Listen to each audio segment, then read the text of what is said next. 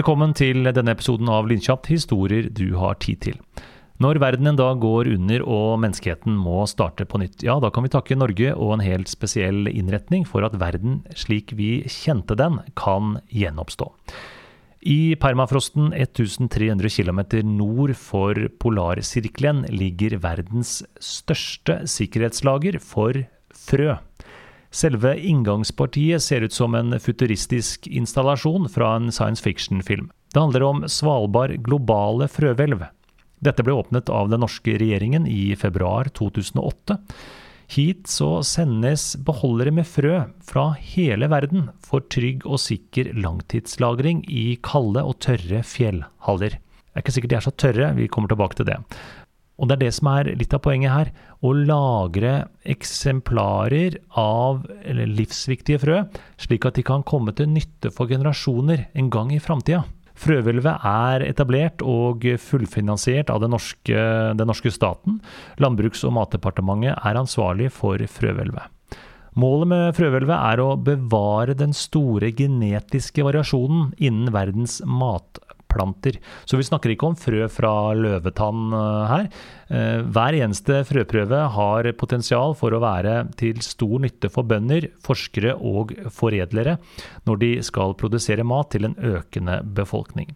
Så det handler altså om å sørge for at verdens matforsyning ikke går tapt ved en eventuell verdensomspennende krise. I frøhvelvet ligger mange titalls tusen varianter av viktige matplanter som ris, bønner og hvete.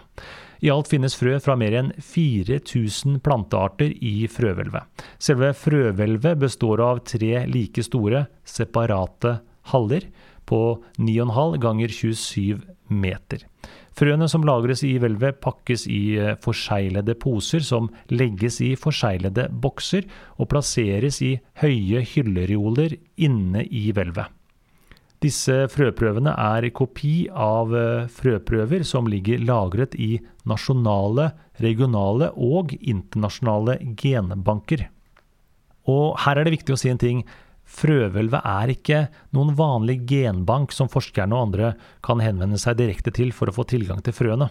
For oppgaven disse nasjonale og regionale og internasjonale frøsamlingene og genbankene rundt om i verden har, er jo først og fremst å forsyne jordbruk med nytt genetisk mangfold. Men, og dette er en viktig presisering, frøhvelvet på Svalbard er et sikkerhetslager for disse samlingene, som kan brukes til å gjenskape verdifulle varianter av planter hvis frøsamlingene i en vanlig genbank skulle gå tapt.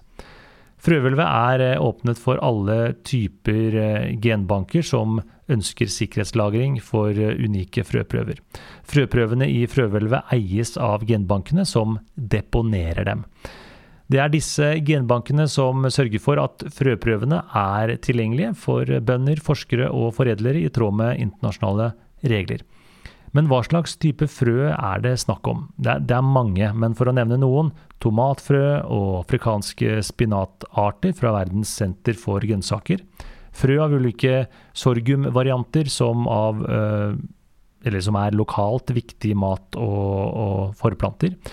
Amerikansk kål bønner, meloner og tomater. Så i Svalbard globale frøhvelv, verdens største samling av frø av landbruksplanter, så er det nå over én million frøprøver. Og Det kan jo tenkes at vi får bruk for frøprøvene en gang i framtiden, f.eks. som følge av klimaendringer, naturkatastrofer, bruk av masseødeleggelsesvåpen, for å nevne noe. Men det har også vært noen problemer med frøhvelvet. Og da kommer vi litt tilbake til det jeg sa i, i starten. Uh, dette med ja, er det egentlig helt, uh, helt tørt og fint der? Fordi permafrosten den ble jo varmet opp under bygging. Og det vil da ta lang tid å få kjølt den ned naturlig. Og i enkelte tilfeller vil det også være umulig. Og dette har man egentlig visst om lenge, derfor må det iblant benyttes kjølerør med iskald gass eller saltlake for å fryse grunnen igjen. Det ble ikke gjort ved frøhvelvet. Så det rant svært mye smeltevann inn i området rundt, og vann som ikke var kartlagt før byggestart. Vannet trengte ned i bakken og varmet opp permafrosten ytterligere. I tillegg til problemene med permafrosten var atkomsttunnelen bygget med fall ned mot fjellet. Dermed rant vannet innover i anlegget og ikke ut i det fri. Så regningen kom i 2018.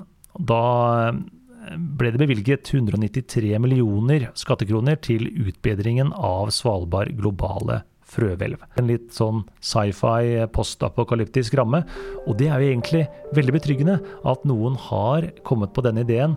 Og så er det jo ekstra kult da, at dette frøhvelvet har sin beliggenhet i Norge. Følg podkasten på Instagram. Nye episoder hver mandag og torsdag. Lynkjatt på 360 sekunder.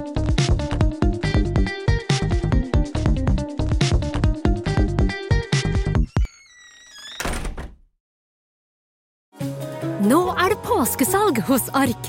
Du får 30% på påskekrim og 40% på alle spill og puslespill. Jeg gjentar Ark har 30% på et stort utvalg krim og 40% på spill. Det er mye påske for pengene. Så hamstre påskekosen i nærmeste Ark-butikk eller på ark.no.